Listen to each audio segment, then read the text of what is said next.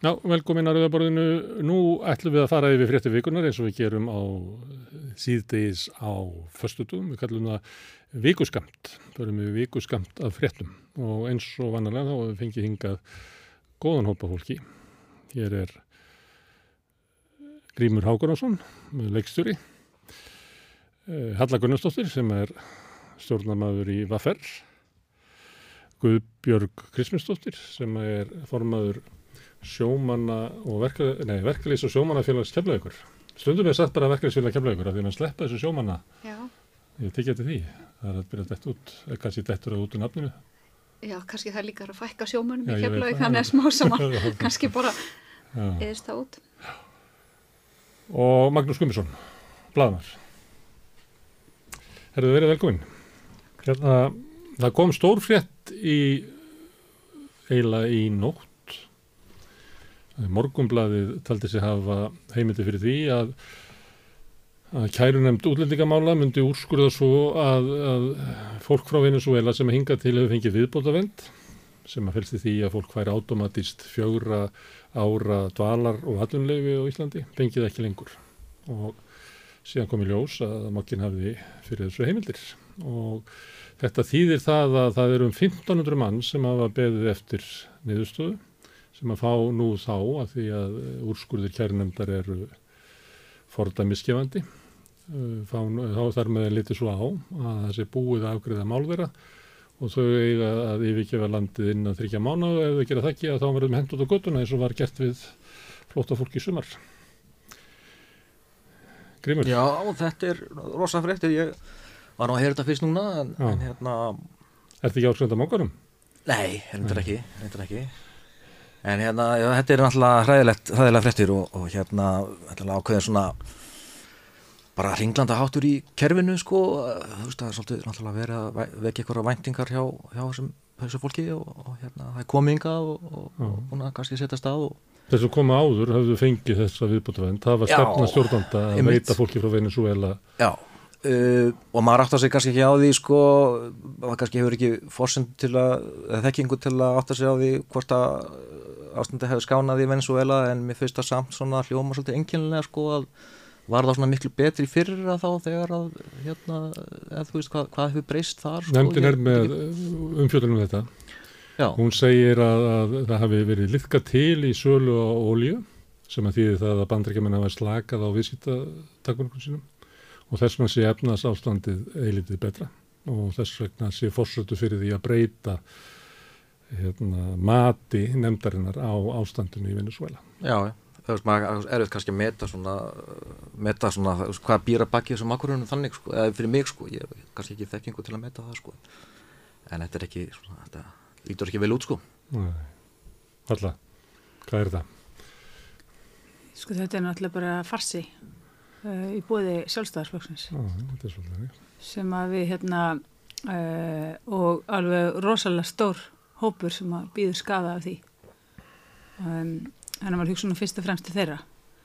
Uh, en sko Augmundi Jónasson fjallaði um þetta í grein í morgunblæðinu fyrir ekkert svo lengur síðan um þessar ákvarðanir kærnendar úldingamála og þessa hugmynd um að allir frá Venezuela ættu sjálfkrefa rétt að vend og það er auðvitað svolítið sérstakt um, í ljósi þess að þú ert með önnu löndis og Sýrland og Afganistan þar sem fólk á ekki sjálfkrafa rétt að vernd heldur það rætnis meðferð Og Ísland hefur verið eina landi sem að að skilgrinni Venezuela með þessum hætti.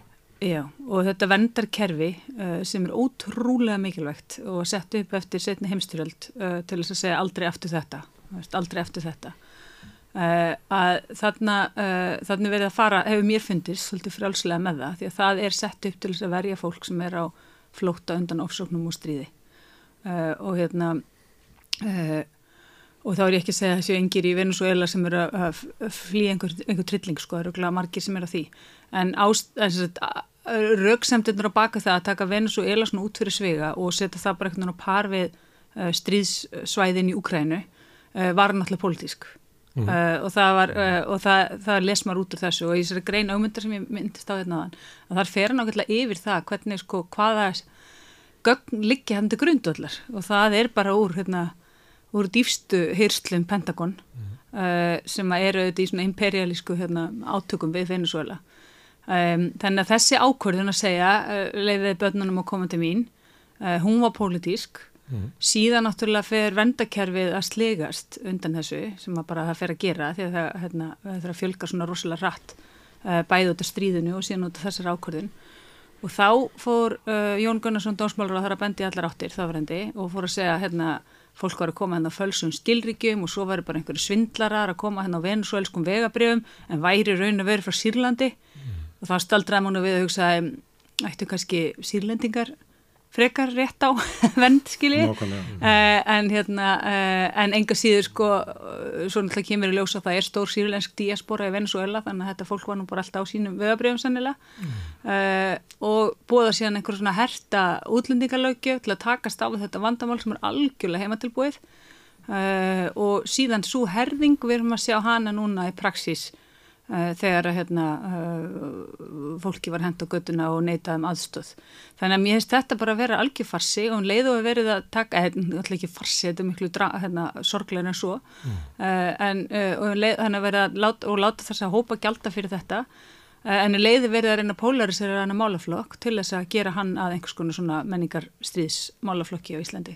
Þannig að mér finnst þetta óbúðslega ljótt, bæði mest náttúrulega gagvart þessu fólki sem þannig um ræðir, Uh, en líka, líka bara ljótt gagvart þessu samfélagi hérna á Íslandi að reyna að búa þetta til uh, sem uh, svona polariserandi málaflokk. Guðbjörg, ég býst við að stór hluti þeirra sem að verður vísað úr landi mm. séu nágrannar þínir upp á ásprú. Já, hérna mjög margir af þessum einstaklingum eru, eru konur með atvinnulefi. Mjög margt af þessu fólki er hérna bara mjög viljugt að taka þátt í samfélaginu og er, er hérna, uh, komið í vinnu og annars slikt. Það hefur komið fram að flottafólk á Venezuela er að herra hlutfall á vinnumarkaði heldur en hjá mm -hmm. fólki almennt. Já, ég hérna, sé þetta svo vel að því ég skrif undir atvinnulefi mm. fyrir þessu einstaklinga og þau hafa verið duglega að koma uh, á skrifstofuna bara að því að þau hafa heyrt að sérst, einhverjir hafa komið ánga með atvinnulefi og eru að spyrja hvort þau vitum um eitthvað stað þess að þau geta fengið vinnu. Þannig að þau eru nú greinlega svona viljug að, að að því maður hefur svolítið heyrt þetta þau, hérna, fólk sem er hérna, eða bara lifa á ríkinu og eitthvað svo leiðis en þetta, þetta fólk er virkilega viljugt til þess að sjá fyrir sér. En ég hérna, tek undir þetta sem Halla var að segja það, mjög gott. Ég, mér finnst líka svo skrítið sko uh, sko ef það áfara að breyta einhverju að því nú er ég ekki ekkit sérstaklega lagafróð eða, eða í stjórnvaldsmálum eða slikt er ekki hægt að taka skrefið út frá því sem að kemur á eftir. Það, það er alltaf verið að hérna, það er búið að draga uh, ákvarðanir og annars líkt hjá þessu fólki og það er búið að búa hérna í einhverju óvissu og svo allt í nú, nú þú bara að fara. Uh, við, ég held að við þurfum bara að vera með betri reglur sem virka og, og hérna uh, ég veit ekki hvort að þarf að, að, að hérna, stoppa stoppa á landamærum eða hvernig, ég veit ekki, ég, ég kann ekki framkvæmdina á þessu, en mér finnst bara svo vond að maður er búin að horfa á svo mörg dæmi um fólk sem er búin að koma sér upp lífi hérna uh, ég veit um dæmi um einstakling sem að, hérna, kemur einnig hérna og eignast fjölskyldu uh, sérst, kynntist öðrum aðila mm. frá, sem var frá sama landi búin að eignast fjölskyldu og voru búin að stopna fyrirtæki og þau þurftu bara að fara og skilja allt sitt eftir, voru búin að kaupa sér íbúð og allt og það er bara, nei, nú þurfum þið að fara hvernig getur svona gerst? Ég, ég bara skilða ekki. Stjórnmálamenn tala svolítið um að þetta fólk séu anstæðinga samfélagsins, að við bara verðum að koma þessu fólki í burtu, þessu manni eða konu sem að stopnaði fyrirtækið að koma í burtu til þess að við getum haft hér grunninnviði og grunnkerfi í lægi þetta er okkur sagt Já. bara í fréttum og kastlósi og þingraðum Já, mm. það, það er samt augljóslega eitthvað af kerfinu fyrst að fólk getur búið hérna það lengi að það er búið að koma sér svona fyrir mm. þegar að loksins er tekið á þeirra málum og tekin ákverðin Þa, mm. það náttúrulega segir sér sjálft að það er ekki, það er eitthvað mikið að Svo var fólkið náttúrulega sérstaklega búið velkomið frá Venezuela af stjórnvöldu og það var ekki kærunemdin eins og stundum heldur fram sem að opnaði fyrir það, það voru stjórnvöldsíkjur það mm. kærunemdi kom ekki að þessu fyrir en að útlendingarstofnur reynda að breyta hætt allt innu við og, og neytaði fólki um dvananlefi mm. að þá sagði kærunemdini að þið, þetta má ekki, þið get ekki banna þessum í dag sem að þið lefðuð í gær, þannig að verða ykkur efnislega fórsöldu fyrir því og þið funduð ekki. Þannig til núna þeir eru búin að komast að því að efnasástandið í Venezuela horfir aðeins betur en áður. Magnús, hvað? Já, já, ég er nú bara að taka undir þetta sem það segja hérna. Uh, sko, ég hljótt með að verða að veltaði fyrir okkur sko hvaða hagsmunir liggja þarna baki. Hvers vegna er verið að þvinga fram þennan úskur og þvinga fram þessa leið vegna þess að á sama tíma og, og uh, það er verið að berjast með kjæftu og klóm fyrir því að henda flótafólki hér á göttuna, mm. henda því á, úr landi þá verið að flytja inn vinnuhafl og þú veist, það er, það er jafnvel hérna aðilar sem að hafa haga því að, vera hér með einhvers konar vinnuhafls jobcenter stöður, það segir flytja inn fólk og, og leia það út. Og við vitum að, að hagvöxtur, við vitum núna að hagvöxtur á Íslandi er kerður áfram að erlendu vinnuhafli og þarna er eins og þú segir sko, komið fólk sem er mjög vinnufúst og, og vil gjarnan taka þátt í samfélaginu byrja þar með strax að borga skatta og hefur ekki kosta okkur neitt í, í sko þessu, þessu kostnaður sem heitir staður í uppeldi og mentun þá hvað til við orðum við erum orðin 20, 25 ára mm. og förum út í samfélagi Þa, sá mínus er ekki til staðar heldur fara bara beint í plús inn í samfélagi. Við ættum að fagna hverjum flottum. Við ættum að fagna þeim. Við ættum að, við ættum að segja bara velkomin og, og hérna hér er vinna, hér, er, hér eru möguleikar og gríftu tækifærið. Þannig að maður stílur ekki þessa mismunun, þessa óskaplu mismunun uh, og stýringu sem að er þarna á milli að þessi, þetta þjóðarni sé í lægi og ekki þetta og það er eitthvað sem að maður hefur bara miklar áhugjur af. Er þetta hérna og klár rasismi? Uh, er þetta spurningum trúabröð? Er þetta spurningum ykkur lífsviðþorfi eða eitthvað slíkt? Að það sé auðveldar að hleypa inn ykkurum sem er frá kathólsku ríki heldur en ykkurum sem er frá muslimsku ríki? Er það? Við verðum að spurja þessara spurningar og, og við verðum að ættast til þess að stjórnmálamenn svari hvers vegna þeir og, og þessi ríkisótt svari hvers vegna vilja þeir hafa þetta með þessum ætti mm. Þetta er svolítið snúið sko því að uh, þetta verndar kerfi veist, það, það er sett uh, utanum það að gefa fólki uh, vernd sem að það nýtur ekki heima fyrir. Veist, þannig að það er verið að reyna að búið til struktúr sem var að það sé ekki bara hægt að skella í lás veist, stríði, hérna, uh, stríði næsta húsi og þú getur ekki bara dreif fyrir og, hérna, og loka hörðinni. En við erum ekki sérstaklega góðið því að fólk frá Sýrlandi, Afganistan, Sómalíu og mörgum mörgum löndum sem að, að að taka við eh, tölurumagni. Við erum ekki, við kennum það ekki. Nei, langt flestir eru náttúrulega bara í uh, næsta ríki við uh, og það eru veist, þessi ríki sem Já, taka móti. Já, það er bara saman við Svíð og eitthvað sko, til... þá eru við ekki að taka frá sko stríðsrjáðum löndum í neinu sko hlutalli við aðra sko. Nei, það er að klára hans þessa hugsun sko að hérna uh, að mér finnst þetta kerfi, þetta verndarkerfi uh, sem að hefur tekið stakkarskiptum á Íslandi veist, það er bara það er bara 15 ár síðan að einn maður hafi fengið hæla á Íslandi veist, og hérna, það, það hefur breyst rúslega mikið uh, sem er gott og opuslega mikilvægur og goða breytingar sem voruð á því en hérna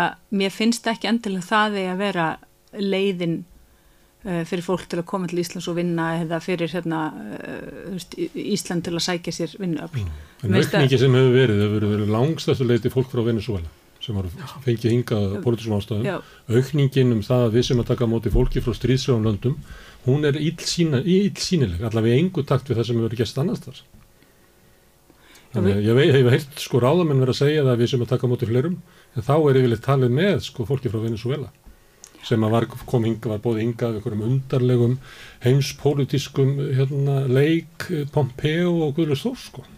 Já, ég held að Halla hitti naglarna höfuði sko að ég held að þurfa svona endur hugsa þetta kerfi og kannski á auðvelda fólki svona utan sjeng en að koma hinga á vinna.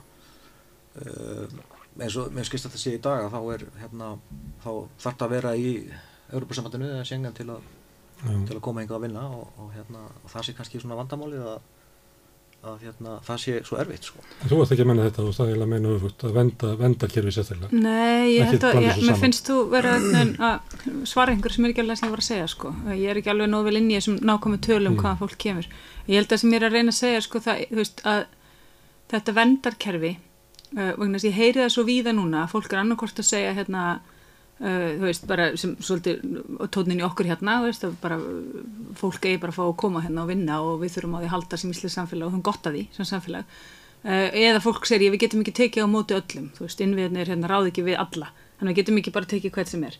En við því vil ég segja, ok, ef við viljum hafa einhvern stjórna innflutningi fólks, þá fer það í gegnum, þú veist, atvinnulefin og dvalarlefin og, og þann pakka, en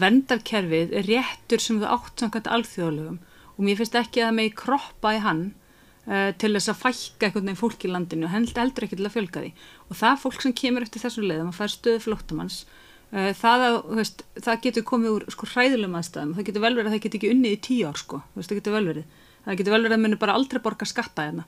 En það er rétt á þessari vend uh, út af þeim aðstæðum sem eru að flýja. Og, og sá réttur eru grundull alþjóðlega um, þannig að uh, mér finnst rosalega mikilvægt að þetta kerfi einhvern veginn að við skiljum það utanum, veist, hvað það er búið til utanum og, og höldum því. En svo finnst mér þetta sko og síðan þarf það og, og innan svona kerfis þá getur þurft að endursenda fólk veist, það getur alveg þurft að gera það. Uh, en þú þarf þá náttúrulega að geta endursenda eitthvert. Uh, og sá hópur sem núna hefur verið á göttunni og framfæri hjálparsamtaka það er hópur sem hefur ekkert að fara. Þú veist, það er ekki hægt að hérna, uh, þetta mál sem var hérna ábyrjandi fjölmjölum, þú veist, þetta með konu sem að hérna, að hægt að senda hann til Ítalíu nýja Níkaríu uh, og það þýr ekkert bara hendin út á götuna og bara vonaði besta, skilji.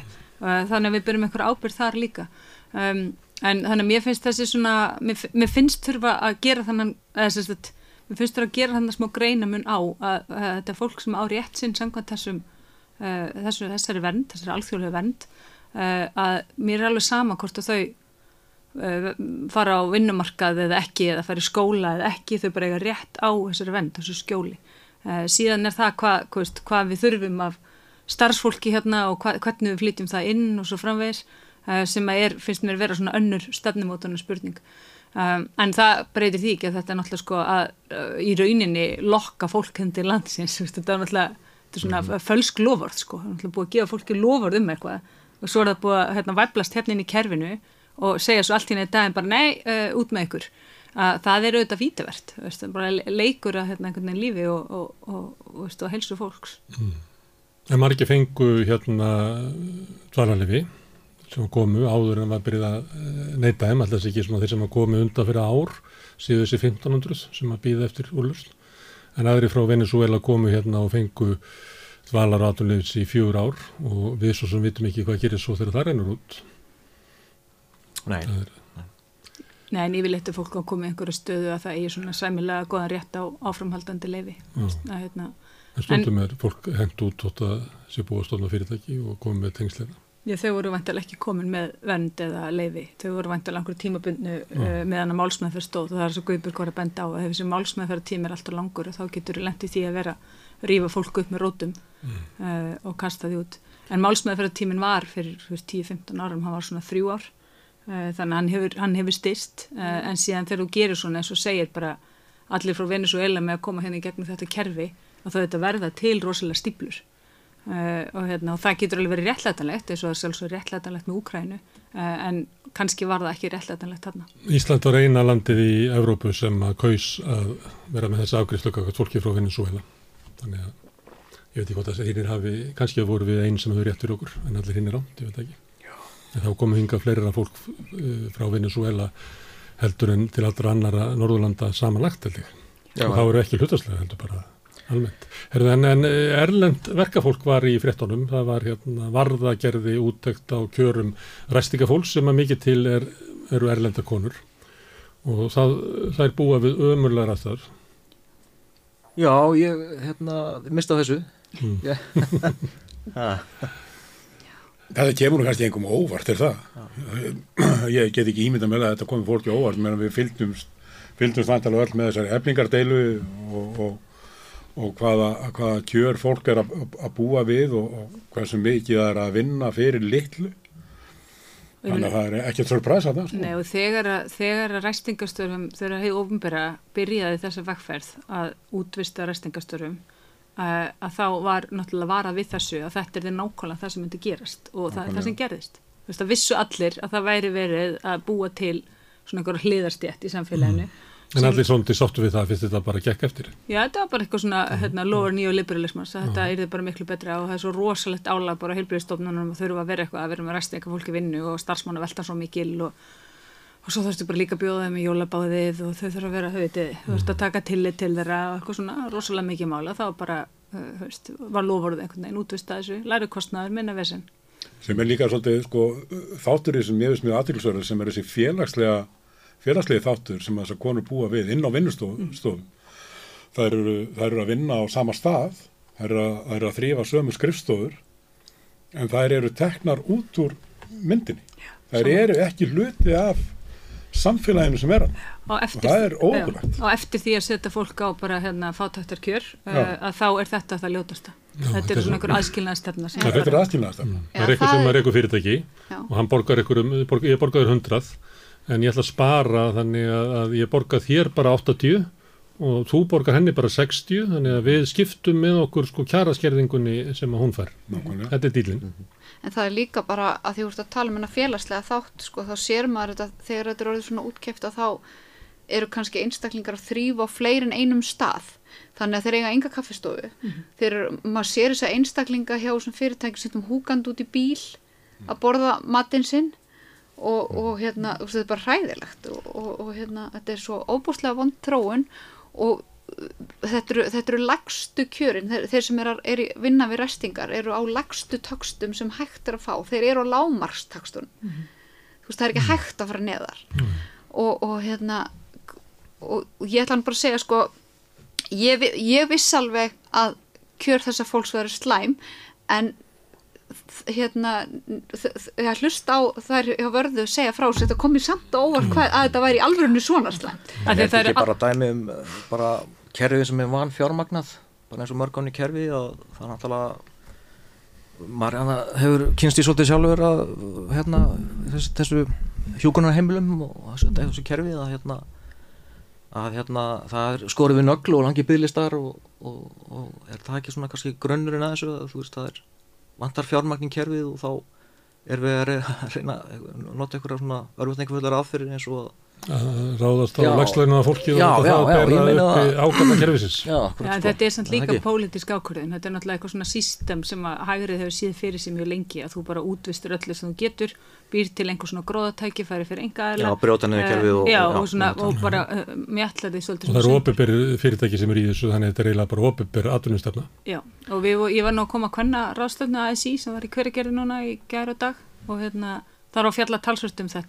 Í í og og, svona, það var algjör ein, einhugur um hérna, svona áskorun uh, sem feir bara svona, svona innan og skagni ASI en það sem var talað um sko nú uh, væri tímynd uh, verkefælsreifingin að beita sig fyrir innvistun starfa mm. uh, og bara vinda ofan af þessu ruggli uh, og ég held að það sé bara hérna, það sé alveg ótrúlega mikilvægt að við hérna, keirum á það notum þessi gögn sem við höfum að því að þetta eru hópar líka veist, þetta er náttúrulega langmest konur og innflytjendur mjög mikið innflytjendur, ég man ekki hvort það var, veist, hvað er ekki, 70-80% eða eitthvað? 75% að mista kosti. Já, og það var nú eins gott að, hérna, að, að við sem getur stundum talað í mikrofónu og svona uh, látum svolítið til okkar taka í þessari bartu, því þetta er ekki leiði. Þetta er líka mjög oft, sko, þetta er náttúrulega í langflestum tilfellum konur og mjög oft konur sem að, sem að tala ekki ennsku og ekki íslensku, þannig að þær geta ekkert að vera sér og ekkert hjá sig og hafa lítið tækifæri til þess að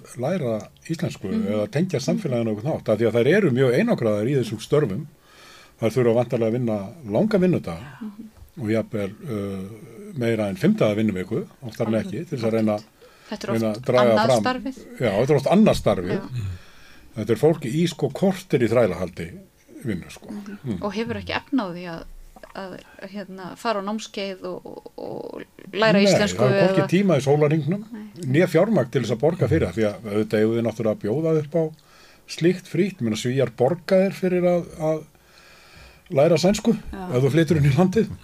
En svo er þetta alveg, ég held að sé líka ennþá dýbra plott í gangi hérna, ég bara tók eftir því en daginn að, hérna, að, að Soltún uh, held einhverja ráðstöfnu þar sem voru að fá inn breyta til þess að tala um hinn frábæra árangur uh, af engarekstri hjúkunarheimilega í Breitlandi mm. og það er nú bara eitt eða tvö ár síðan uh, við ASI fengum hérna uh, mann til landsins til þess að tala um einmitt það hvernig sko svona enga fjármagnir þegar við komið inn í hjókunarheimilin í Brellandi og rústaðin eh, og, rústaðin, og, og hólað alltaf innan og hann síndi fram á þessar fléttur sem þeir nota eh, til að sína, sko, sína aldrei fram á hagnað en hvernig þeir draga út hagnaðin eftir öðrun leiðum?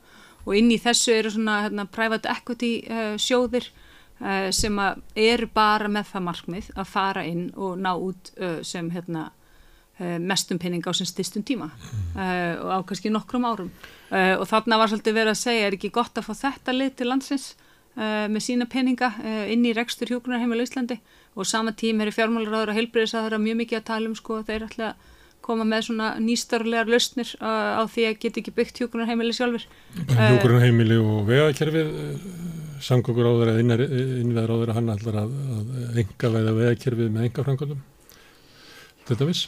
Þannig að þetta er á, á fullu. Ég, ég kíkti hérna, þetta er nú haldur útastáttur, hann kannski ekki sniðt á sína mynd, en ég fór inn á eitt fyrirtækið og hérna er starfsfólkið og það er svona rosalega glatt mm. að vinna hérna við þessi kjör sem þeir eru að lýsa. Já, já, já. Og svo sem er hérna þetta fyrirtæki hefur fengið, sko, hefur búin að vera framúrskarandi fyrirtæki alveg frá 2015 til 2022. Þannig að ég veit ekki, sko, að er einhver leiti í samfélagin okkar þar sem er einhver glassur ofan á þar sem að er hægt að kynna fyrirtæki sín sem framúskarandi fyrirtæki þó svo að starfsfólki get ekki lifað af laununum og fá hérna, módel til þess að stilla þessu upp sem starfsfólk og þetta er auðvitað þeim sínt sem að eru að fara að kaupa þjónustu þessu fyrirtækjum.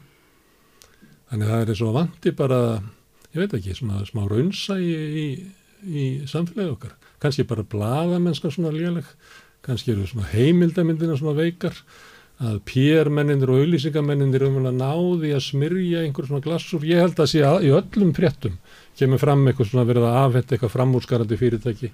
Þau notið þetta í auðlýsingu sínum en það hefur engi peltið í hvað leikur hann að bakvið sko, ég held að þetta sé bara að þú eigir eigið fjö, nóg fyrir skuldunum sko, til þess að fá eitthvað svona innkass og framúrskarandi fyrirtæki.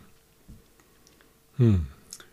Já, maður veit nú ekki alveg auðvitað er, auðvitað er þessu velun auðvitað er þetta bara uh, markasvæðing ég var nú lengi vel í auðviska bransanum þetta er bara, þetta er bara glassúr eins og þú segir, þetta er bara hluti af því að prótjækt er að ákvæmna ímynd að fyrirtækinu að það sé svo gott að vinna hjá því og það sé ennþá betra að vera í viðskiptu við og svo framvegis. Og þetta er náttúrulega bara mjög þekkt dæmi í öllum öllum geirum, stýrur, það er, það er hérna það er valla seldur sá bjóri hérna í ríkinu sem hefur ekki fengið gullvelun ykkur staðar. Oh. Þannig að þá ferðu bara á nógu margar hátir og borga nægilega mikið pening kangur til að fara gullvelunin oh. þetta er svona ákveðin ángi af þeirri menningu. Þetta er bara auðlýsingamörska meður og minna. framúrskarandi fyrirtæki, er bara skoða þetta hennar þetta er eitthvað mm. svona credit info dæmi. Uh, og þetta er bara eitthvað svona rekstramál. Þú ætti að vera einhverjum ákveðinu lánshæfisflokki og þú ætti að skila ásreikningi mm. lög og sangvænt uh, wow. Og eitthvað rekstratekjur, eitthvað lámarki eitthvað og framkvæmdastjóri skráður í fyrirtæki sko, RSK uh, já, akkurat, veist, þannig að þetta er náttúrulega þetta segir ekki nefnum neitt sko. það er svo margt sem er svona, eins og til dæmis við fáum skýrslu hérna um hvernig bankanir hérna er að svína fólki. En samt eru hérna greiningarleiti bankan alltaf í fréttatímanum að segja okkur svona hvernig efnarsástaðin þetta sé og hvernig horfurnar eru Þannig ég er bara velta fyrir mig sko hvort að sé komið tími til þess að kannski að íta aðeins til hliðar sko að sko sjálfsmynd eh, fyrirtækina eins og þau vilja byrtana hvað var það að fljóta hérna mikið yfir sko. Það mjög löngu þótt að förðulegt hvað kalla er til uh, greiningar til til bankana og hvað var byrjað að gera það fljótt eftir hrun aftur og þá var komin sami hagfræðingur og var sko fyrir tveimur árum stóð bara með allt niður um sig sko. Og, og, og, og hérna horið í nefinu sko og greiðt svo mikið því að það voru allra vondið það. Leggur þunga áherslu á það að launa fólk hérna ger ekki ómikla gröfur Já og þetta er náttúrulega bara galið sko. Þau eru alltaf að segja það sama, þau eru alltaf að segja að verðbólgan sé að fara niður og verði bara eftir nokkra mánuði bara komin í 2% og þú veist það er alltaf að vera að segja það sama þú veist og vextitin séu að fara að lækka og svona sko. Ekki á ágjör, þetta er alltaf lagast. Já, já, svo þarf alltaf að endur, endur hérna þurfa alltaf að geta dóni sér sko aftur sko. Það er náttúrulega því að svo sæk, svona semjum við alltaf um þessar launahækkanir og, og klúðrum þessu öllu. Það er náttúrulega, er náttúrulega okkur að kenna, sko. Það er eitthvað ójafnvægi í svona umræðinni eins og til þess þetta með útvistun sem að ég held að að allt svona venjulegt fólk átt að segja á hvað er og sé ekki góður hlutur en samt er rætt um þetta í pólitíkinni og í fréttunum eins og bara eðlilega hlut Já, og ein, hlut enga framkvæmt líka. Þú veist, Já, að- einkaframkvæmd. með enga framkvæmdir í svona 95% tilfella eru dýrari fyrir skattgreðendur. Þú veist, það eru dýrari. En samt er einhvern veginn talað um það er alltaf eins og ef maður sé á móti þeim þar sem er eitthvað á móti einhverjum hérna, skilvirkari og hagkvæmari leiðum í hérna, ríkisrekstri uh, en það er bara ránt. Náttúrulega sjálfstæðislokkurinn búin að vera það lengi í völd og það svona, þetta er náttúrulega bara svona áhrif á því og það sem að kannski sker Ísland frá öðrum Norðurlöndum að, að það er þessi sterkki hægri flokkur sem hefur stjórn á öllu og mótar samfélagið sko. En svo er þetta líka- að Um leið og einhver vinstri, svona alveg vinstri stjórn kæmi þá væri ekkert að þú veist ná í sækja þessa peninga sem eru til og, og byggja einhvern veginn upp hvað sem alveg samfélag sko. En svo er þetta líka sko alþjóðlega bókaldsbrellur sem ganga út af það, eh, þú veist, eins og núna hérna, ríkistjórnum vil halda áfram að gera að selja eigunir sómbera og þú selur hús helsugjöfslunar og svo gerir þú samning uh, til hérna 50 eða 80 ára um að hérna leia húsið uh, á uh, talsast meiri kostnað heldur en hefði kostað þig bara að halda því, alveg miklu meira en hefði kostað að halda því Uh, og þannig að en þú kemur, rosalega, þú kemur betur út sko, hvað, hvað var að skuldastöðuna að þú selur eignir, þannig að þú græðir. Uh, en þú skuldbundir þau sko til þess að leia þetta er svona sem ég myndi selja húsið mitt. Uh, og þá kem ég svo rosalega vel út í rosa gróða en myndi skuldbunda mig til að leia sama hús á 500 rústa mánuði. Veitir, en þetta veginn gerir ríkið. Með þess að skatturinn gerir allan daginn já, mitt af öllum fyrirbröðum Var þetta ekki stort vandamáli í, Reykjanesbæ? Svei, eh, ekki bara Reykjanesbæ, það voru, þetta voru fleiri sveitafélögum, Já. þar sem að sveitafélögum seldu húsegnir og það var og, og vel leigðu það svo af, af þessu, þessum Skóla fasteignafélögum. jafnvel. Já, sko, það var, hérna, ég bjó í vógunum og það var allavega skólinn gott ef ekki íþróttahúsi líka og þau bökkuðu öll með þetta s- og kiftuðu þetta aftur. Og töpuðu náttúrulega fullt af Já, peningum á já, þessari vegferð. En þau, gátu, þau, þau seldu hérna hýtavitun og gáttu nota þann pening til þess að, til þess að hérna, kaupa aftur.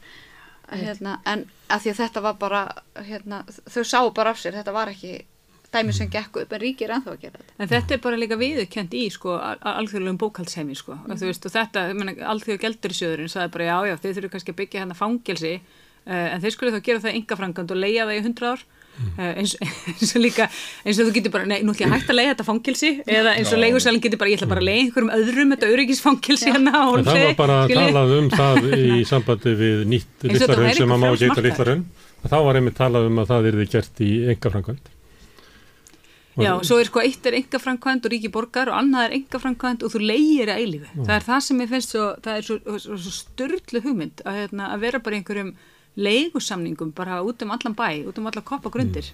Ég held að það verið þannig á skattinum að hérna, hann borgar húsnæði á nýjára fresti. Og náttúrulega er þetta bara leið til þess að ná peningum af uh, úr ríkinu að ykkur, það eru stjórnmálaöfl sem að trúa því að peningur sem betur farið í höndunum á okkur verktaka heldur en í almenningi og þess að séu það bara snjált að skatturinn borgjunum húsið á nýjára fresti. Þetta er náttúrulega Því bara hann gerir einhvern veginn miklu meira við peningana heldur en sko skattur. þetta er náttúrulega bara einhver aðferð við að halda sko einhverju svona ólíkarkastett á Íslandi. Þetta er svona leið til þess að eiga okkar einn ólíkarka. Herðu, en núna eh, hérna, afhjúpast þetta svolítið með restingafólkið og, og akkurat á sama tíma er verið að, að segja fólki upp á grund og útvista störfum. Uh, Guðbjörg hefur trú á því að, að þetta verði á einhvern nátt stoppað búið að segja fólkinu upp. Já. Nei, ég held ekki sko. Ég held þetta verði ekki stoppað. Uh, af því þetta er ekki ólöglegt. Það væri auðveldar að gera það ef það væri ólöglegt en þetta er það ekki. Þannig að ég held því miður að, að þetta fari í gegn sko. Fólki getur ekki lagt niður vinnu í mótmálaskinni, það má ekki. En, og svo verður þetta sama fólk vantarlega bara ráðið inn aftur á lægri launum. En hvernig samfélag er það, það sem að, ja, svona er það og við bara getum ekki gert í því? Nei, Ja, en, en það er eitthvað að. já, er ekki? mann er langar svo að segja, nættu við ekki að vera að gera eitthvað í því en, en Já, mér skriði, ég vil nú segja hann að síðastliði vor að það var hérna var mótmælafundur sem að hérna Ragnar Þór Ingólfsson skipilaði á Östuvelli Mm.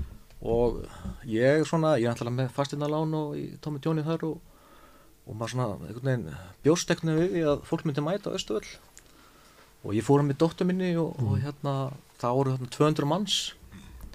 Og ég held að það hafi bara verið haldin eitt fundur og voru tveir.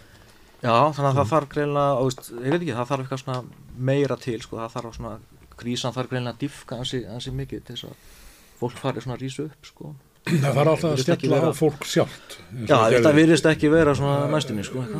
Það þarf að stjalla á heimilin sjálf til þess að Íslinga Já, fari út, já, sko. akkurat, sko. Það er ekki, við stígum ekki út vegna réttlætiskendar fyrir náungan. Það er ekki að fara að gerast. Ég, ég sé það ekki fyrir mér, sko, að Íslingar fari og mótmæli aðstæðum ræstingafólks, svo það er tekið. En áhverjum ætti ekki bara allt restingafólk á Íslandi bara leggja niður vinnu og mótmæla þessu, stoppa útvistun. Það má ekki fyrir Ég verkvæð. ætla að fara að segja þú, þá þú ert að leggja til hérna lögbrot en, en Já, hérna, það er ekki svo langt síðan þetta mátti. það Nei, er nei. bara eitthvað svona 30 ár sem það var bannað. já, já, það er kannski hægt að, já, ég veit það ekki. En varandi þetta með, með, með fólkið eins og grund, ég var aðeins að velta fyrir mér og þetta er eiginlega bara spurning sko, eh, ef að þetta fólk allt sem er að vinna þessi ummönnunastörf er að vinna þá hjá okkur allt öðru fyrirtæki en grund, hver ber þá ábyrðið ef eitthvað klikkar? Hver ber ábyrð ef að viðkomandi starfsmæður gerir eitthvað vitleysu, segir, missir eitthvað fram úr rúmi eða En er þetta ekki ræstinga, Þetta er þessu ræsting og tilfelli er það þvottahús. ræstingafólkið? þetta er bara ræstingar. En þú veist, það gæti alveg verið hitt líka. Ég sko. hitt er bara yfirvóðandi þá vantarlega. Fyrir utan alltaf ræstingar í heilbríðstjónustu eru daldið stórt mál sko. Það er Mjög ekki bara mál. svona hérna, Já, hver ber ábyrð? akkurat. En það er líka, það er líka sko, um, sérst, það er spurning með lagaramann uh, og hvernig hann lítur á, hérna, uh, á sagt launamismunum. Uh, ef að launagreiðandi er svo sami uh, að þá gæti alveg verið hægt að láta á það reyna fyrir dónstólum eða eitthvað slíkt hvort að hann ber ekki jafn mikla ábyrð gafkvært öllum sem vinna störfin. Uh, En er það ekki? þá ef það væru báðir í að- störfum í einu, þá er var þetta mismun á öðrum með því að borga ekki sama á hinum, en ef við erum búin að reka alla og leigir þá alla bara hjá uh, fyrirtæki engengana, en þá er það erfiðar að sína fram á það. en núna náttúrulega eiga allir að vera með starfsmat allt er umbyrða að vera með starfsmat. Uh, og þannig er hægt að láta sleppa því að láta þessi, þetta mat ná til hérna, uh, vestlaunaða fólksins en spurningin er hvort að það sé alveg heimild uh, samkvæmt lögum eða hvort að þyrfti að þvinga sveitafjölinn til að taka þessa hópa með uh, inn í mati sitt uh, og líka þessi hjúkunum heimil og aðra. En það er kannski svolítið langsótt en þetta er svona þú segir hvað getum við gert veist, menna, eitthvað verðum við að gera? En starfsmáti er náttúrulega ekki í þessu tilfelli í hjúgrunheimilunum. Það er bara, Nei, bara hjá já, ég, ég var að hugsa um bara núna hefði ofnbæra Mætti, sitja lög um að, að eh, svo sem er eitthvað fyrirtæki, hún er mér óheimilt að leigja starfsfólk, ef hann vill hafa starfsfólk þá verður það bara að ráða það.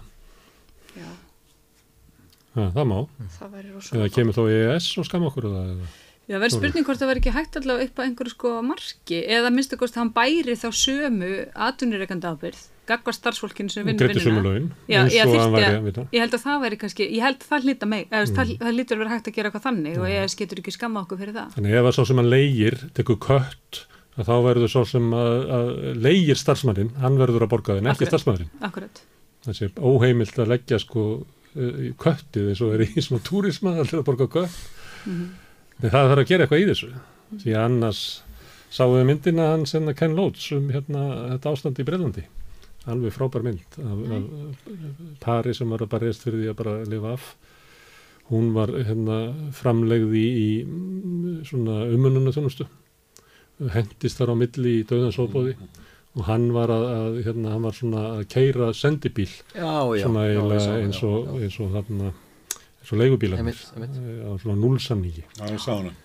Hún er þetta góð, sko. frábæð mynd sem er sýnir þetta. sko hvað þetta er bara brýtur niður sko samfélagi en náttúrulega er ekki hægt að leifa fólki að misnota annað fólk ha, og Já. kalla það svo framhúskanandi fyrirtæki Mm Jæja það var gestur á, á hins einn hátíð fórstinsráður það var laminir í miðbæ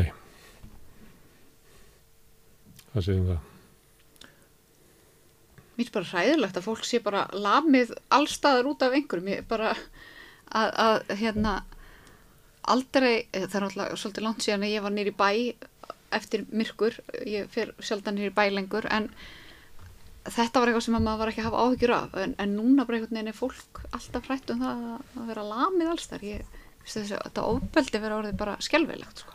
Já, mann er leiður svona fyrir svona kannski tíu ára síðan sko þá hafði maður á tilfinningunni að eins og þessir fordómar kakvar samkynniðum væru á bara miklu undanhaldi Við varum hægt að lemja hins eginn fólk. Orgu, sko. Þannig að það er búið að lemja hins eginn fólk í bænum í, Já, já, já, já. já, já. Já, en það var eitthvað tímabila sem að mann leiði bara ok, þetta er bara, þú veist, þetta er komið í höfn sko, þú veist, og allir bara hljóðin mætti í gleðið ganguna en, en síðan er þetta svona, gefur, sérstaklega hjá ungu fólki held ég, þú veist, strákar sem er að skera hennu fána og Já, mikið baksla þetta er, já, mjög, mjög mikið hjá unga fólki sko. hérna, maður er alveg svona veist, ég Við regnum ekki með því að kemur verri kynslu, við regnum með alltaf að næsta kynslu er betri. Betur, já. já, en, einmitt. en er þetta, ég held samt þetta, veist, við getum kannski ekki sagt kynslu, ég held þetta sé bara þetta er hópur sem er rosalega hávar, rosalega fyrirferðarmikill og rosalega grimmur. Sko, hérna ef ég horfi bara á börnin mín sem eru á þessum aldri svona millir 20 og 30 allir í kringum þau eru ekki svona þengjandi þetta er, þetta er ekki alveg þetta er ekki kynslu en þetta er bara einhver hópur og, og það er einhvern veginn svona stemming ég veit ekki hvort hún kemur frá samfélagsmiðlum eða hvað að það er verið að grípa ein, einhverja vittlesu og hún er hann sniðug. Og, og hérna eins og ég munið hérna að vera að tala um að það er gelta á samkynnt fólk og maður skildi ekki alveg þú veist hvað hva, hva, að þetta var svo kjánalegt sko. Og þá var það allt í eitthvað rosalega sniðugt. Og svo, svo hérna já, ég, hérna, ég held þetta sé ekki það, ég hef ekki neitt fyrir mér en ég upplifi þetta ekki sem einhver svona heild, þetta er meira svona hópur Og menningar aðkemi í þessari kynslu. alveg, Já. Já, ég, en maður veldi líka fyrir sig hvort þetta er ekki sko hluti af þessari, nú veit ég ekki um það, bara ákískun, hvort þetta er ekki hluti af þessari polariseringu í samfélaginu, þessari, þessari, þessari öfgahyggju og þessu, þessu öfgahæðri sem að við þurfum orðið að setja undir og við sjáum að fer með, með sko ymskautum í, í, í bandaríkjánum. Gríðarlegt, gríðarlegt bara haturs orðræða og jafnver hatursfullar lagasetningar. Uh, bækur eru bannaðar, bækur eru brendar og hvað, þetta er mjög óhuguleg þróun. Og ég veldi fyrir mig hvort að þetta, þessi hópur sem að er, er að valda þessi hópur að, að minnst ákosti yngra fólksinn sem er að valda þessu bakslægi sé á einhvern hátt svolítið afsprengi þessarar menningar þessarar heftar að hatast út í útlendinga, hinsegin fólk og svo framvegis. Maður bara... En líka ofbeldi, svona rasíst ofbeldi. er- Rasist ofbeldi er hluta þessu, það er alveg klárlega hluta þessu, við vitum það. En þetta þarf að rannsaka held ég aldrei vandlega og vel og fljótt núna á Íslandi. Það þarf að, það þarf að grípa mjög hratt inn í þetta. En sko, hérna, samfélagsmiðlarnir mínir voru stútfullir af einhverju fullarna fólki, hérna í þessari kynfræðslu umræði sem þú tókst nú hérna í síðustu viku, Já, uh, veist, sem að var bara eitthvað trillast yfir einhverjum litlum börnum sem að, veist, klæða sig eins og eitthvað ekki sama kyn og þau fætust í og, veist, og bara eitthvað, og, og þú veist, og þau voru bara trillt og mér finnst þetta að vera bara einhver innflutningur á einhverju menningastriði sem að, hérna, maður vill ekkert fá einhvað, sko. Nei, ég held að þetta sé mjög innflutt að Þegar okkur mörgu finnst leiti. að, mér finnst við að haldið bara ágætla á þessu, svona síðustu, En er ekki með netinu að þá náttúrulega lifi fólk svona hálfuleiti bara inn í þeim heimi þannig að þá er þetta eiginlega hægt að vera innflutt. Þannig þá bara gerist það eiginlega sjálfur sér Já, allt, sem já, að, já, já, allt sem er til inn á netinu er náttúrulega hluti á Íslandi líka. Já, já, þannig það er engin veggur að, Hvernig, þú veist, við verðum að hugsa þessum hvernig við, við, við viljum að umræðan sé um mannréttindi og umburalendi og það verður náttúrulega að koma líka dálítið að ofan, það verður að koma frá þingi og, og það verður að koma frá ráþerum hvernig þessu umræða er.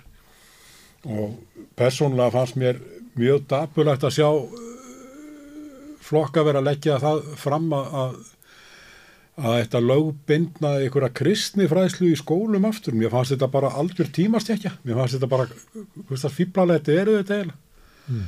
Hérna einhver um, kristrum kemur fram og, og, og, og segir hérna af hverju meiga börnin ekki heyrum Jésu sagði var hún hérna Kristrún Heimisdóttir. af hverju að börnin það er fyrir ekki, það er enginn að banna þér eða öðrum að tala við börnum Jésu á sama tíma er það til þjóðkirkjuna sko í sögulegu lámarki það sko. eru sög- sögulegu lámarki og á sama tíma þá viltu fá að komast inn og tala við öll börnin og lögbinda að setja ykkur ákveðna, eina ákveðna lífskoðun herra heldur en allra annar. Það er allt ránt við þetta.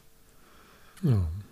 En þetta er einhver merkið þess ríkja, eða svona sterkar tilfinningar um að, að heimurinn sé einhvern veginn að vesna. Hann hafi verið skárri áður og þetta er ekki bara, þetta er náttúrulega Make American Great Again, en það er líka Já, já. Make China Great Again, Make India Great Again og Make ja, Ítalía Great Again og bara, þetta er bara, þetta er bara eiginlega stort enginni á stjórnmálum okkar tíma eitthvað svona hugmyndum það að við séum að missa samfélagi niður og týna því að, og fólk finnur til eitthvað ótrúlega óöryggis í samfélaginu.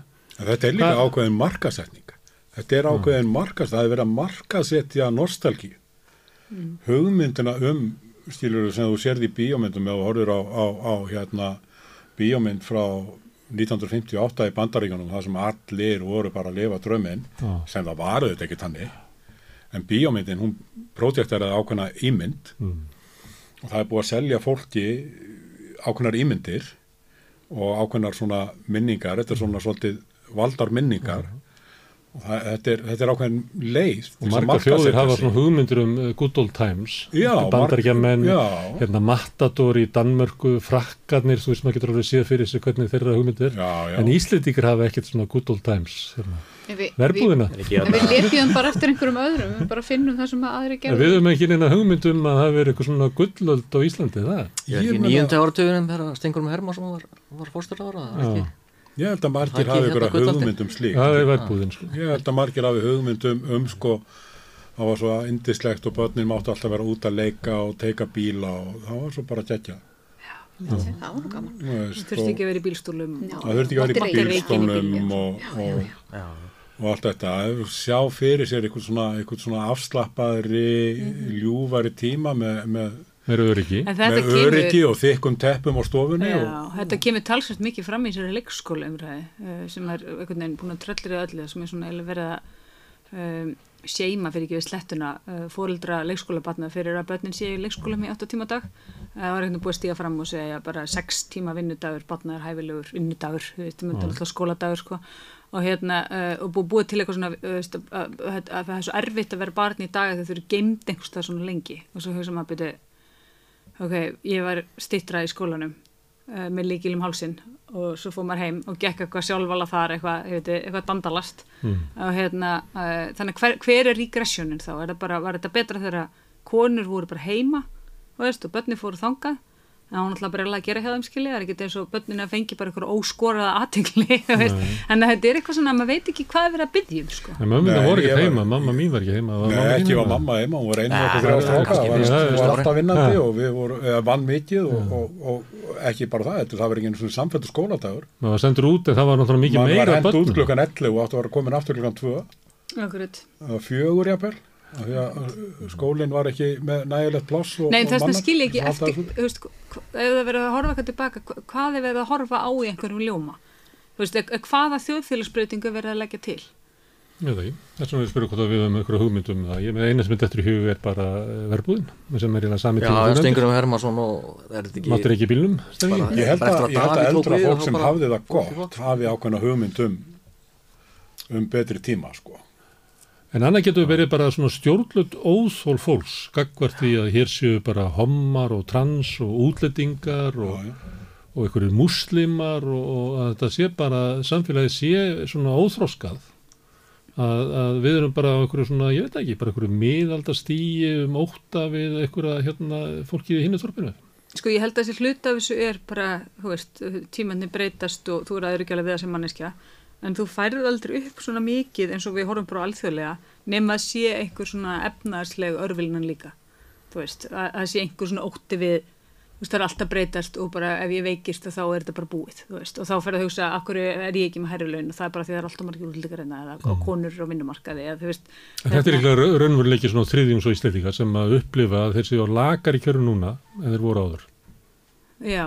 Það kemur fram bara í konunum hagstofunar og og, og þetta er bara raunveruleikin. Það er þriðjungur af þjóðinni Já.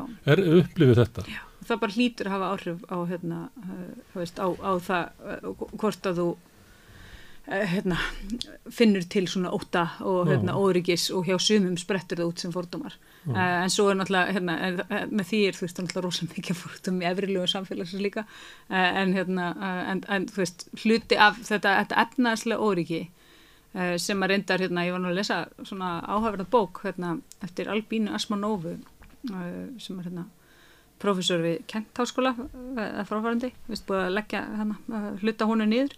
En hún hérna, það sem hún vil meina þetta sko precarity sem að við höfum svolítið verið að tala um í tengslu við hérna, harkakerfið allt þetta. Mhm. að þetta precarity sé orðið svo útbreytt að fólk treystir ekki á neinum hérna, treystir einhvern stofnunum og treystir ekki sko að sístemi sem er núna það verði. Og hún var að vísi einhverja hérna Skiljanlega því að sístemið brúðist í. Ég er að segja það, en svo og hún var að vísa í hérna, uh, viðtölu við einhverja sko, bandariska sko, milliramaringa, eitthvað forríkt lið sko, sem þorði ekki að hætta. Að því var svo hrættum að geta mist allt. Þú veist þannig að, að meiri segja þau voru að trillast úr einhver óryggi yfir bara einhvern veginn að, þú veist, sístemi geta einhvern veginn farað á kvolv og ég væri ekki lengur fljótandi hérna ofan á. Og hver er ég þá, skil ég. Þannig að ég held að þetta svona precarity, uh, hvað, hvað, hvað er, hver er góð íslenskum á precarity? Um, svona, Já. svona fallvalt, allt svona fallvalt. Já, það já, það er rétt, sko. það er svona marga breytur sem að koma að inn í hætti, sko. það er náttúrulega þessi vaksandi ójafnur í heiminum og það er loftlagsbreytingarnar og aukin svona hernaðvæðing og það er svona, það, það skapar þetta orgi, sko. Upplust samfélagana, minna tröst á stofnunum samfélagsins, minna tröst á stjórnmálunum. Minni þátt ekki verkefliðsfélagunum Mhm. og að Ísland sé skritin undatýring þar á. Mér fannst svona eins og eftir hérna Íraks, innrásinni í Írak sko að, að þá svona hafi kannski verið ákveði rofa milli því að það var svo obvious hvað þau voru að ljúga að þú veist þarna gæðinni sko og þetta var allt saman sko byggt á fórskum fórsöndum Mm. að ég held að hafi verið svona ákveði rof sem byrjaði þá að í svona vantrösti á, á stjórnmálamönnum sko. Og bara á öll veginn Já, á öllu sko veist, það var svona yfir allan heiminn sko það var svo rosalega augljóst hvað að þetta Mm. var allt saman eitthvað, eitthvað plott og, og bara líka sko Mm. Þannig að- Ég heyrði einn Amerikan að segja um daginn að þegar afhjúpaðist Víetnamstríðið að þá var ennþá til þrek í samfélaginu að þeir sem að ráku það áfram þeir hættu meira minna. Það var svona hreinsun út úr svona stofnunum og hernum og svona. Síðan afhjúpaðist Írakstríðið með nákvæmlega sama hætti og kannski ennþá veri, meiri lígi. En það fólk er allt ennþá í gangi. Já. Það merkilegt að það var, það var, það var engin búið ábyrð á Írakstríður í Bandaríkjum. Pútin var svona á þeim tíma þegar Ígjöstrið var í gangi þá var svona Pútin svona mest veginn í- svona Jésu sko hann var svona, tala svona hann var bara minn maður þá sko en svo er það breyst sko. Það hefur breyst. ja, hann hefur breyst náttúrulega sko já, eða svona tekið teki, teki svona aðra annan pól í hæðina sko. En var þetta þetta með sko þessa árás á, á, á, á þennan ennandi gæst, þetta hins egið hátíðinni, þá er þetta svo mikið ágefni og, og þetta sýnir okkur svo rosalega vel hversu mikilvægt er að samtingin 78 fái að fræða að fá að fræða um það. Við erum alls konar og við, við erum eins og við erum og verðum að fá að vera eins og við erum og að reyna að rekja það út úr skólan kerfinu á svo augljóslega fölskum forsendum og kalla uh, þessi góðu samtök öllum illum nöfnum og einhverju sem þau eru ekki og reyna að saka þau um að þau sé að gera eitthvað sem þau eru ekki að gera er eitthvað sko sem er bara ekki ásættanlegt annað heldur en að sko ég segi til að mynda að fórsættisráð þeirra sko stiði mjög fast niður í þessum efnum mjög fast og miklu fastar heldur en að vera að gera í dag finnst mér En ég má taka upp það sem að Halla var að segja um að fólk upplifi sig svona einhvern veginn í lagari stöðu og segja um að það sé rétt að það sé cirka þriðungurinn sem ég held að setja að færa rauk fyrir með því að bara skoða kannanahagstofunar og vörðu og fleiri. Er ekki líka, mættið ekki að adressa þann hóp? Ég held að sá hópur heyri nú mest frá stjórnmáleilitun að við höfum aldrei haft að betra. Hérna, skuldir heimilinu hafa aldrei verið minni. Við höfum aldrei staðið betur. Bankanir hafa aldrei verið sterkari. Hér er bara aldrei verið betra. En þetta þarf fólk alltaf að heyra það. En upplifir síðan linnulaust að það er bara alls ekki þannig. Afborgarinn að hækka, útgjöldunum að hækka. Já, það er sko, það er ekki byrjað að taka kannski heimili og húsa fólki, þannig að það kannski, þetta er ennþá svona Þú skuldar mikið, er að hækka afborgarinn þínar. Þú sagðist að það fyrir niður að vera hugsun fara hann á Östuvall. Já, nei, ég hef hérna, ég er með óverðið lán með hérna fyrstu vöxtum. Ég hef 14 mánuði til stefnu. Við erum saman í að- snjóhingjunni. Já, já, já. já. 14 mánuði þannig að lán fellur á mig. já. En það er náttúrulega einn hreyfing sem getur gert eitthvað í þessu og það er verkefliðsreyfingin. Uh, með því að fara saman inn í kjærasamninga uh, og, og, se- og setja líkilmálin efst uh, og, og taka þau. Já. Uh, veist, það er, það finnst mér vera eina vonin. Er von til þess að það gerist? Er, ertu bjart sín á það? Svona mismunandi milli daga. Hérna, mér finnst bara ábyrð okkar allra sem þar erum bara að vera rosalega mikil uh, á, að, á að gera þetta. Menna, saminu hreyfing uh, sem að þvingar bæði stjórnvöld og atvinnureikundur á borðinu uh, í að búa til einhvers konar skilirði þannig að hérna þannig að sé hægt að ná uh, tökum á þessu mér finnst það uh, bara hlýtur að vera eina færa leiðin sko. Hi- hinn er náttúrulega bara að láta allt fara í þróttu og vonast eftir byltingu sko. það er náttúrulega líka önnuleið uh, en hérna En hún getur verið bara bæði miklu lengri og sásökafullir en það væri miklu betra að vera hægt að gera. ég þetta verður svolítið erfitt fyrir okkur grím við, við munum missa hafið okkar ekki tíma. Nei. Þið hafið ekki tíma. Hvað, Nei, ég ætla ekki að gera aðlega drís Ég, ég misti þess að þessu, valkostunir eru hvað að, að verkefliðsreiningi sé saminuð eða bylting. Nei, Nei. nei, ég var nokkið ekki að segja ég sagði sko uh, Náði fram Síðast ætluðu allir að vera saman. Síðast ætlaði allir að vera saman eða svo skuttlaðist starfsgrænsabatu undan. ætla ekki allir að vera saman síðast Ha, já, nei, Þannig hérna, það mun ekki gerast aftur. já, Að- vonandi ekki. Nei. En, en hérna, Það ætlaði ekki allir að vera saman síðast bara svo ég leiriti það nei, það, það var alls Það voru ekki ekki þannig. allir saman En það Það var þurfa, samið, maður fyrst voru SGS og Já, svo voru Það fóru ekki- og svo voru vestlunarmenn og... Það fóru ekki allir að stað saman Nei.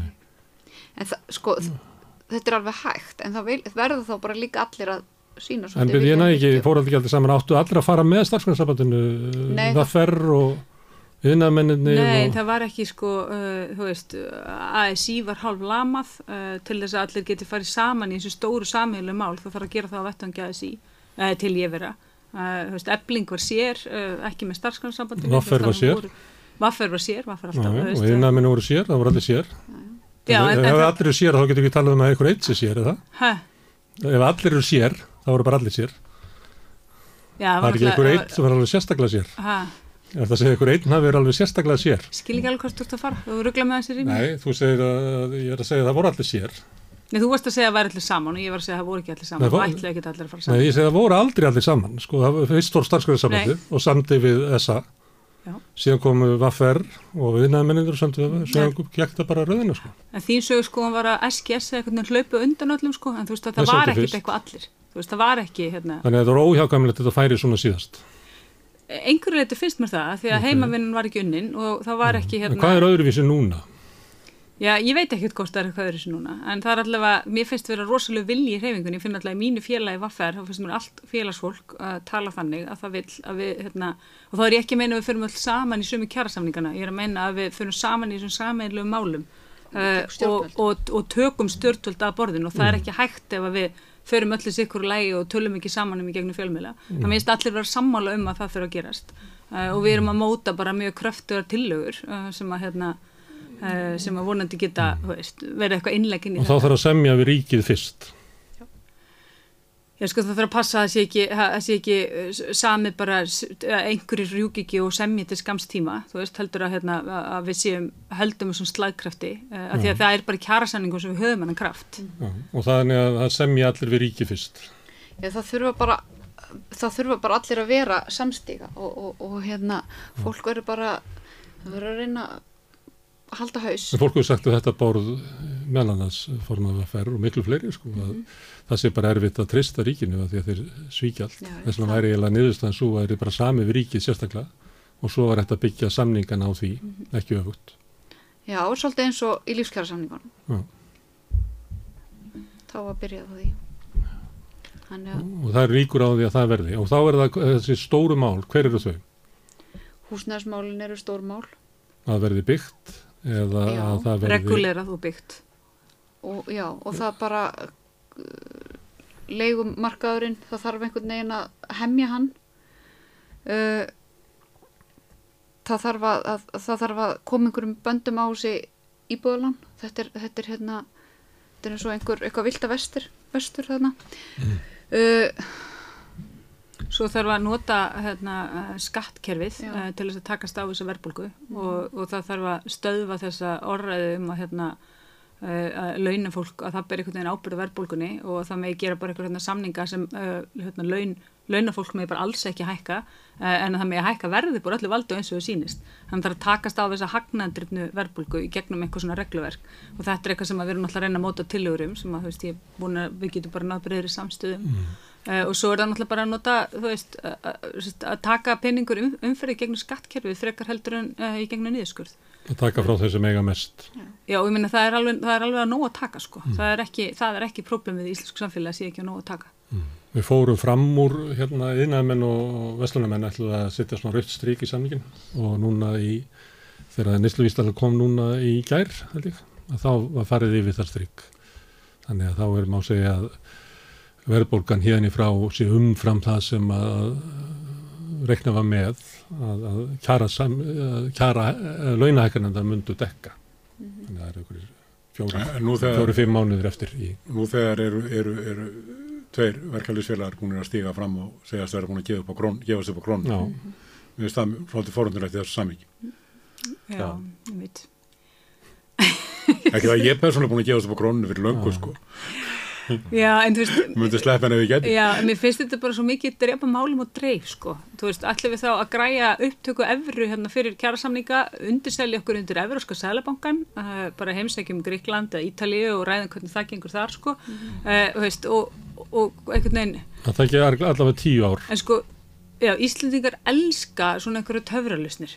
Þú veist, það er bara, þú fækka fólki sem vinnur við skrippur í helbriðskerfinu. Þá er það komið. Uh, hvernig leysur hérna, uh, hérna, efnaðskerfið? Já, þú bara tekur upp evru. Þú veist, alltaf eitthvað svona ein lausn. Já, já. Og ef þú ert með eitthvað svona eina lausn og rosalega flóknum vanda, þá skilur ekki vandan, finnst mér. Nei, nei. Uh, hérna, þannig ég, skil- eða, veist, og bara fínt, menna, fólk má bara tala um þessa evru og endilega bara, þú veist, gerið það og, og pælið því og mótið stefnið það og, en, þú veist, viðfangsefnin eru enga síður þessi núna, finnst mér. Það er svolítið kannski svolítið stór fórnarkostnaður að, að til að fá evru og þá verður maður að ganga í evrubursamöndið og mér svona hugnast það kannski ekki allt og mikið þú veist og maður veit svona, maður svona valdreifinga sinni og líraða sinni og, og hérna og mér finnst kannski vanta svona meiri umræðu svona eins og var eftir hruna þá var svona verið að ræðum þú veist aðra leiðir sko, þú veist taka upp norska krónu eða, eða eða evru og þannig, gjaldmiðlar sko. Og mér varst Vilhelmur Bjarnarsson Birgisson verið að tala um þetta hann í vikunni að þeir skipa það er alltaf að skipa nefndur út um allt.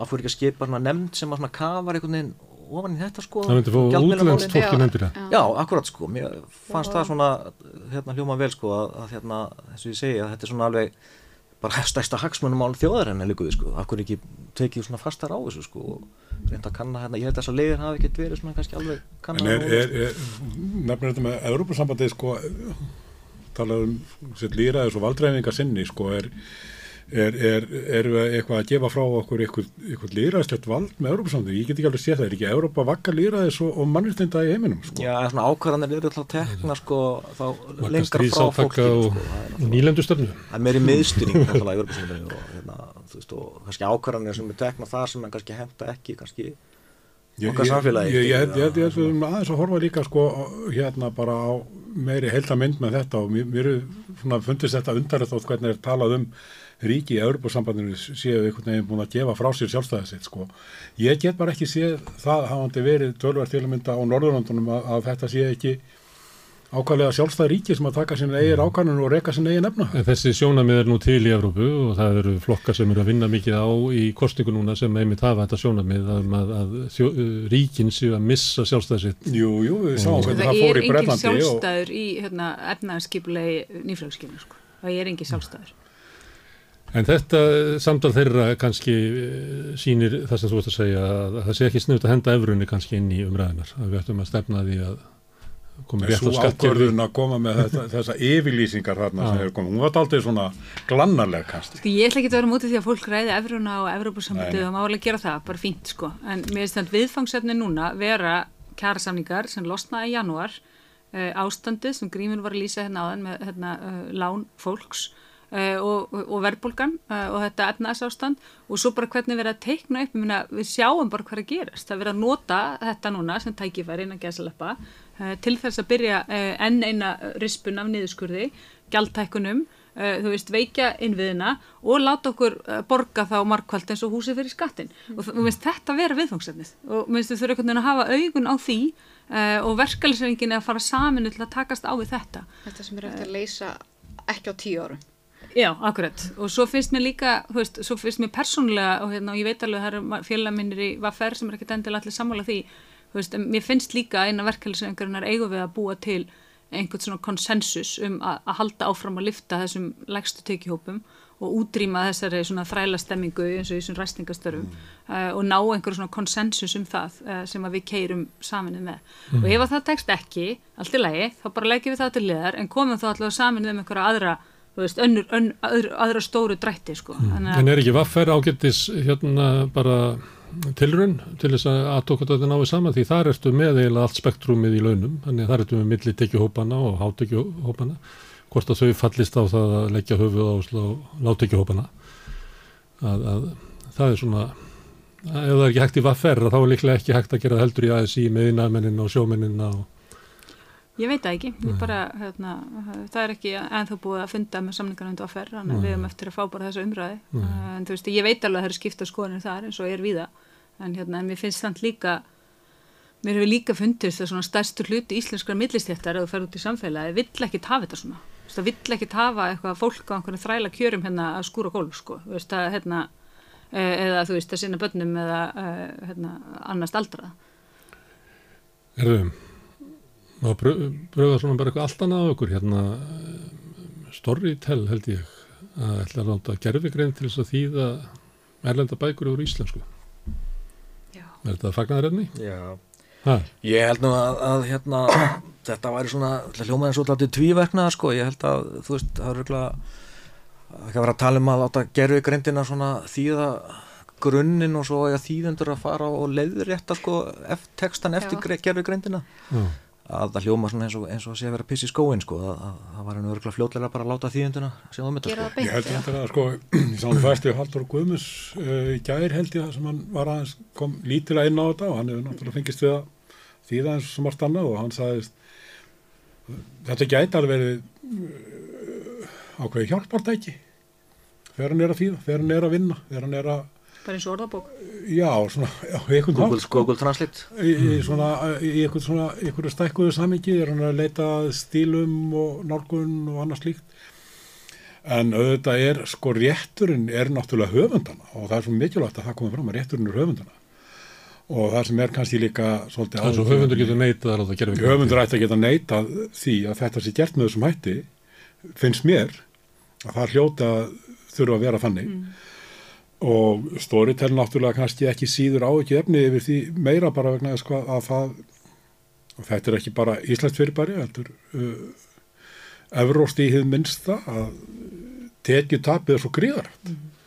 fyrir höfundar mm. og höfundar fá ótrúlega lítið fyrir sinn snúð inn á Storytel mm. Man kannski átta inn í að, að í svona samningum sem að handursöfundar í bandaríkjunum voru að skrifundir þar eru ákvæðu um að, að halda gerfugrendinni, gerfugrendin má ekki það má ekki skrifa handrit hún má ekki skrifa handrit og það eru svona mjög svona mikla takmarkanir í Ná, þeim samlingum og, og vonandi er það svona þróun sem að það má lesa yfir handrit eða Nei, Nei. það, það má ekki, vera, má ekki koma með hugmynd, þú má ekki koma með hugmynd og, og að kvikmynd. Það verður ekki gerfigreindin og allt er ekki bara langt best að koma sér bara upp gerfigreind og aðalagast breyttum tíma eitthvað neginn, heldur þið að gerfigreindin mun ekki bara vinna þetta?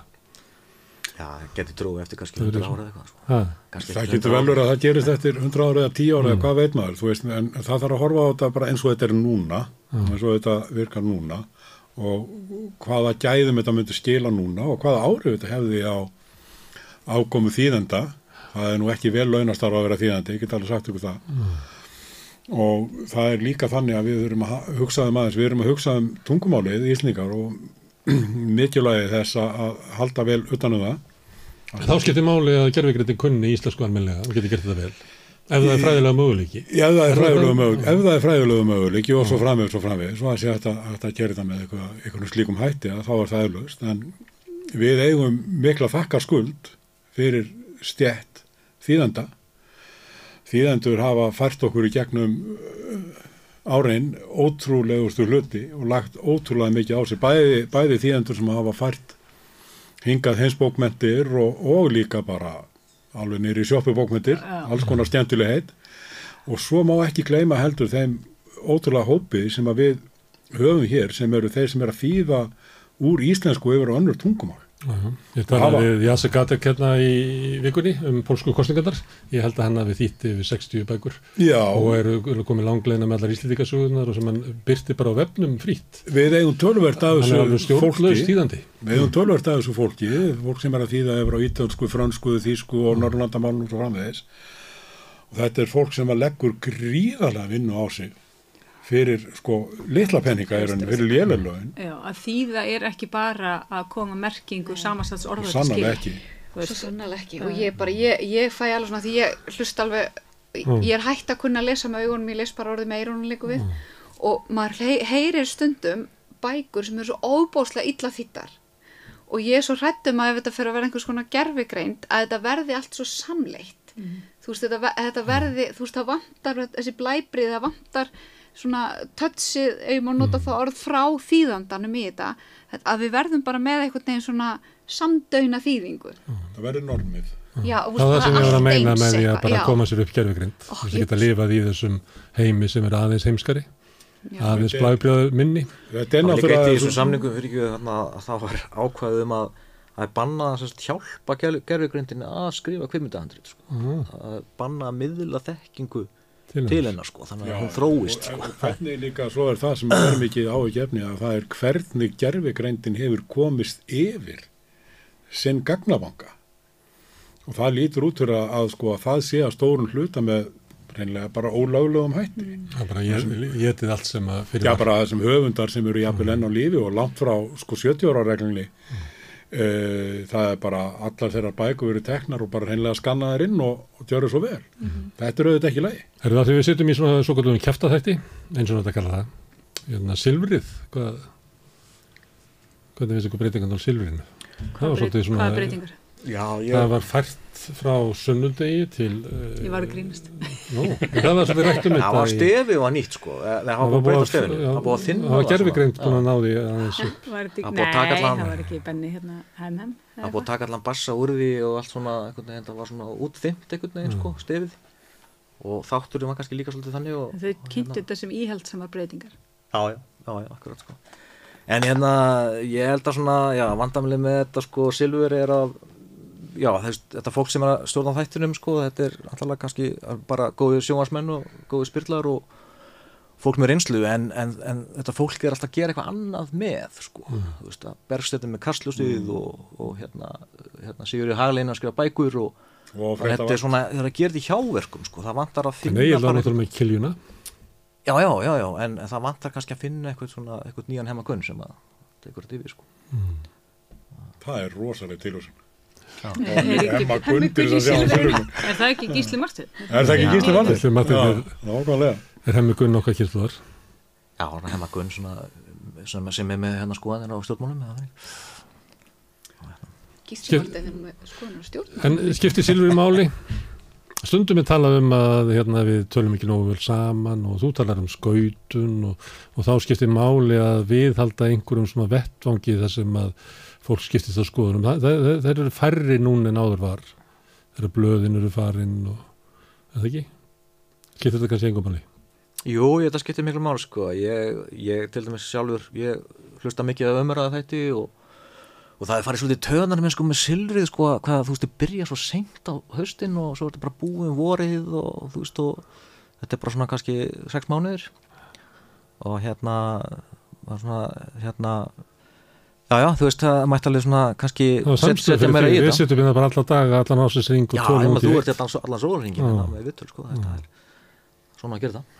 Ég held að sé alltaf að gefa þessu smá séns og vita hvort að svona finna eitthvað nýjan forðnilegan takt og, og, og hérna alveg forðnilegt að fara þarna yfir á skandinaviska mótilið, að vera á mándaskvöldi og inn í vikuna en svona í gegnum tíðina þá hefur mér nú oft þótt áhugaverðari þeir þættir það sem er meira verið að tala við sko forutnilega sérfræðinga og einstaklinga og slíkt en það er kannski eitthvað sem á að tilhera frekar kastljósinu, ég veit það ekki.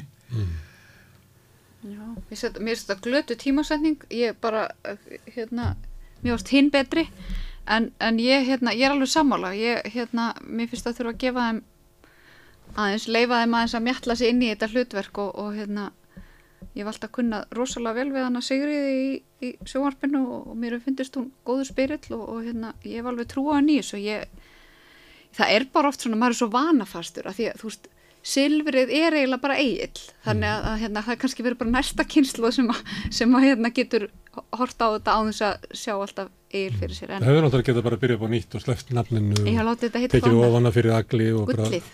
Silfur var orðið þreytt, fannst mér svolítið og það var komin ákveðin þreytt í þetta og, og eftir því sem að, það sem mig grunar er, að- er að þessi breyting sé líka bara ákveðin sparnaðarleið að kosta penninga að ræsa út teimi á sunnudegi. Svo er meira áhorf á mánundarskvöldi. Það er mjög erfitt að rífa alla fram sérstaklega út einu þætti. Klukkan 22.15. Það eru fleiri sem að, kannski, það, er, það er, mælist ekki hversu margir þeir eru sovandi, en það eru fleiri fyrir fram að skáða. þetta er sigur fyrir okkur bíafólki. En Ég, ég, ég hef stofnað marga, marg blöð og gert alls konar í fjölmjölum. Það voru alveg réttið okkur við svona býða aðeins, sko. Það Það er, er- ef þú byrjar á nýju blaði, þá eru fyrstu þrjú blöðin alltaf hundleiðileg. Sko. Það er ekki fyrir en að, hérna, að því að fjölmjölun er svo mikill, sko, bara ströymurinn og það er eiginlega ekki aldrei að skipina ekki neitt. En auðvitað á ríkisjónarsbyrði halda úti öflugri þjóðmálumræði. Sem það ger ekki. En það á að gera það. Já, mætti efla það. Já, mætti gera það miklu meira því. Ég talaði við hérna, fólk sem að stóða útarpi rót hérna, í, í gær. Það var mjög skemmtilegt. Það var það hugmyndur um að hafa svona opin, opið útarp. Það voru þau með, það voru hérna, homor og lesbíur með þátt, svo komu mormónarnir, svo komu herstuðanstæðingar. Þetta var mjög fyndið þessu. tilrænum. Já, mann eftir man eftir þessu. Já, Já, mann eftir þessu. Þetta var svona pre-Facebook tilraun. já. Já.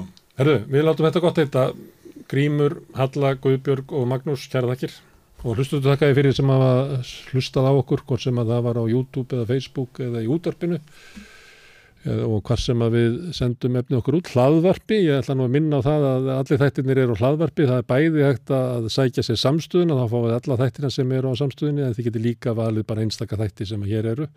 Og þá fáið þið þá á hlaðvarsveitu Uh, á morgun er helgispjall, þá ætla ég að tala við Þurriðu Hörpu Sigurðardóttur sem er að láta störfum í, sem formaður ÖBI og svo á sunnudaginn byrja nýrþáttur sem heitir Mótmæli í morgumatt klukkan nýju, það er Otni er æfastóttir sér, sér upp það og síðan koma Sinir Eils klukkan 12.40 á hel- Þetta er helgadaskrá samstöðurnar en ég segi bara góð helgi.